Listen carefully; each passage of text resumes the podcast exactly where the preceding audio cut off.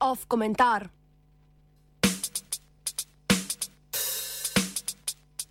Konzumerizem iz druge roke. V Ljubljani se dogaja prava mala revolucija odpiranja novih trgovin z oblekami. V centru imajo svoje prostore še vedno ponudniki hitre mode, kot sta Zara in HM. Seveda ne gre pozabiti tudi bolj ekskluzivnih prodajaln, ki se kopajo v denarju svojih premožnih strank. Vsem tem ponudnikom pa je skupno, da se v zadnjem času niso nikamor razširili. Njihovi fizični prostori stagnirajo in s tem tudi kulturni kapital, ki ga imajo v potrošniškem zavedanju ljubljančank in ljubljančanov.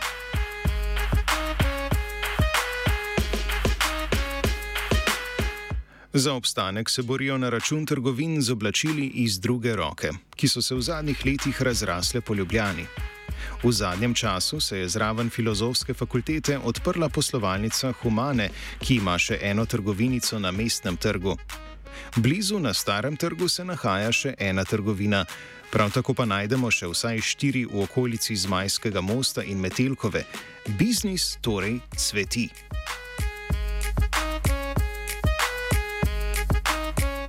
Cveti pa zaradi vala novih obiskovalcev, ki so večinoma pripadniki generacije Z, torej tiste, ki raste skupaj s pametnimi telefoni, socialnimi omrežji in okoljsko krizo. To je delno tudi razlog, da je pri tej starostni skupini moč opaziti obrat od drugih ponudnikov hitre mode k rabljenim oblačilom.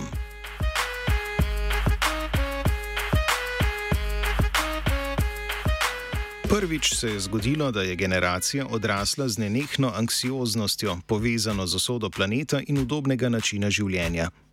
Tako se današnje najstnice in najstniki ob petkih odpravijo na proteste za okolje na mesto v šolo.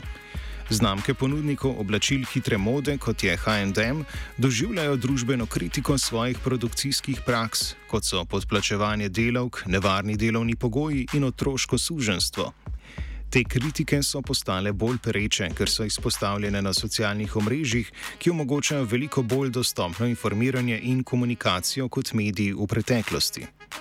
Pri tem gre namreč za ustvarjalko vsebin, ki naredi nekaj sekundni video o temi in je tako kot sporočevalka na enakovrednem mestu s prejemnikom informacij. Kupovanje rabljenih oblačil se je začelo spodbujati kot način aktivizma, ki lahko omili pritisk na okolje, saj vrača že narejena oblačila v obtok in jih tako reciklira, namesto da se proizvajajo nova.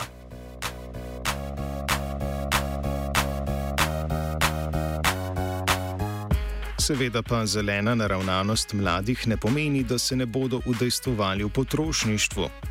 Prav generacija Z je ena izmed tistih, ki na potrošnjo gleda kot na izraz same sebe in svoje individualnosti. S kupovanjem rabljenih oblek se potrošnja mladih ni zmanjšala, le preusmerila je fokus.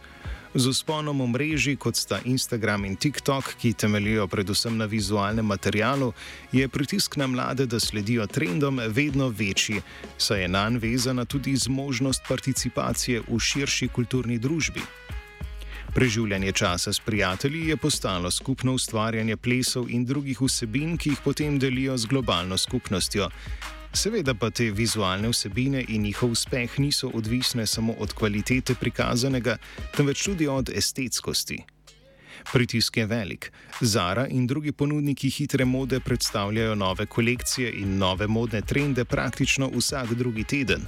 Na internetu pa ti trendi zaživijo novo življenje, saj so oblačila razumljena kot neločljiv del identitete posameznika in odraz njegove unikatnosti.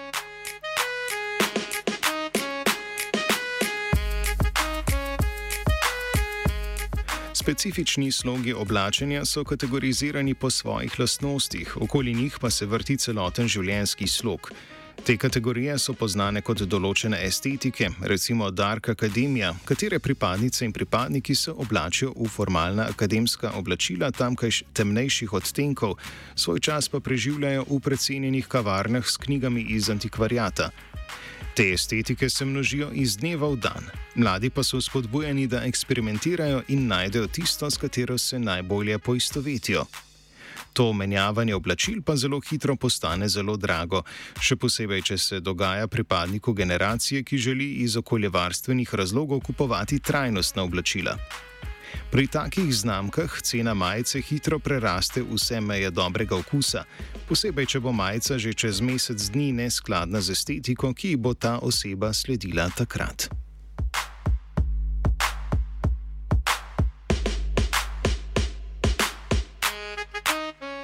Ker je večina teh mladih odrasla v globalni ekonomski krizi, ki je sledila letu 2008, je še toliko bolj razumljivo, da bodo izbrali ugoden nakup. Torej, kje bi lahko taka nadobudnica dobila oblačila, ki so trajnostna, unikatna in za povrh še poceni? Odgovor je preprost in se skriva v trgovinah z oblikami iz druge roke. Izvirajo iz prejšnjega stoletja, pojavile so se z masovno proizvodnjo oblačil.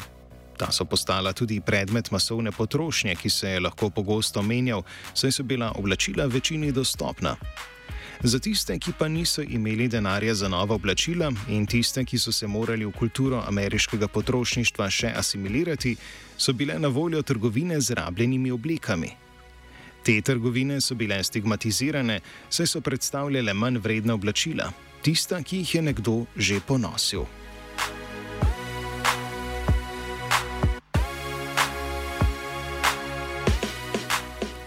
Še pred nekaj leti so na trgu rabljenih oblačil sodelovali le tisti, ki so jih zares potrebovali. To so odražale tudi nizke cene samih artiklov, ki so skoraj v vsej populaciji omogočale dostop do kvalitetnih oblačil. S popularizacijo in estetizacijo življenjskega stila osebe, ki thrifta, torej s predstavljanjem samega procesa kot lova na zaklad v mistični trgovini, polni starinskih in unikatnih čudes, se je praksa z manj popularnega Tumblrja razširila v svet YouTube.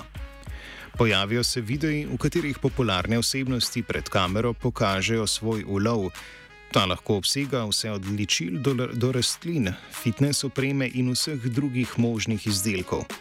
Večinoma pa so to graje vredne količine oblačil, govorimo o več deset ali sto artiklih. V teh video vsebinah namreč lahko vidimo, kako ustvarjalka strese vsebino škatle na tla. Ko je v kulturno zavest vstopilo nakupovanje v trgovinah iz druge roke, sta se popularizirala tudi nakupovanje več artiklov in video predstavljanje ne več tako imenovanih rabljenih oziroma second-hand oblačil, ampak starinskih oziroma vintage oblačil.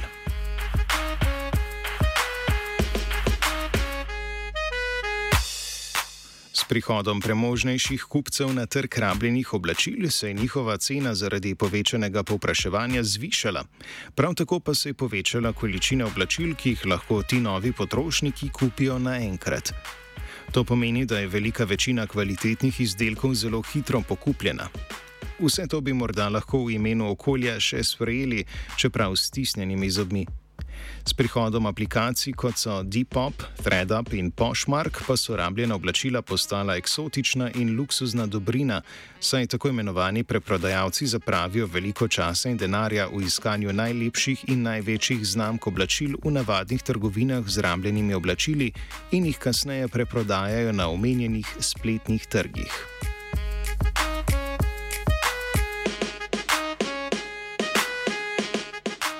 Ta dostopnost in manjko dejanskega fizičnega iskanja oblačil omogočata, da se nek izdelek proda za nekaj sto odstotkov više ceno, kot je bila tista, po kateri je bil kupljen. Kar sicer samo po sebi ne bi bilo narobe, a s tem se trg rabljenih oblačil še dodatno gentrificira, saj se lepe in kvalitetne obleke najdejo predvsem na profilih mladih zgornjega srednjega razreda. Za cene više od tistih, ki jih ponujajo trgovine s hitro modo. To pomeni, da si manj premožni težje privoščijo trajnostno nakupovanje, saj se zaradi višjih cen rabljenih oblačil in slabe izbire morajo vrniti k kupovanju v sterilnih poslovalnicah HM. Vidimo, da so imele trgovine z rabljenimi oblačili v bistvu socialno funkcijo, ki pa so jo zaradi mainstream interesa izgubile.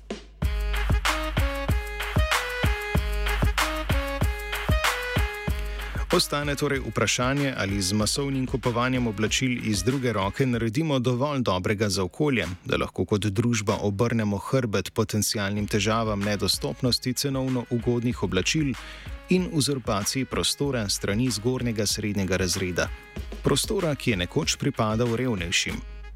Rabljena oblačila zaradi še vedno nižje cene, kot bi bila pri kupovanju oblačil pri trajnostnih znamkah, še vedno obravnavamo kot zamenljiva, saj nakup novih ne predstavlja velikega stroška. Mnogokrat pripelje tako nakupovanje le v večjo porabo, pa naj bo ta eko ali ne. Dejstvo je, da bo za reševanje okoljske krize treba drastično znižati potrošnjo dobrin, česar pa rabljena oblačila ne vzpodbujajo, prav nasprotno dajejo lažen vtis, da je mogoča etična in zelena potrošnja brez vsakršnih meja.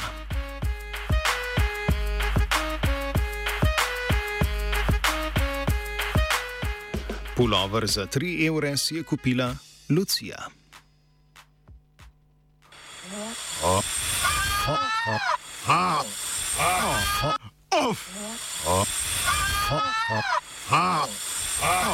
Off komentar.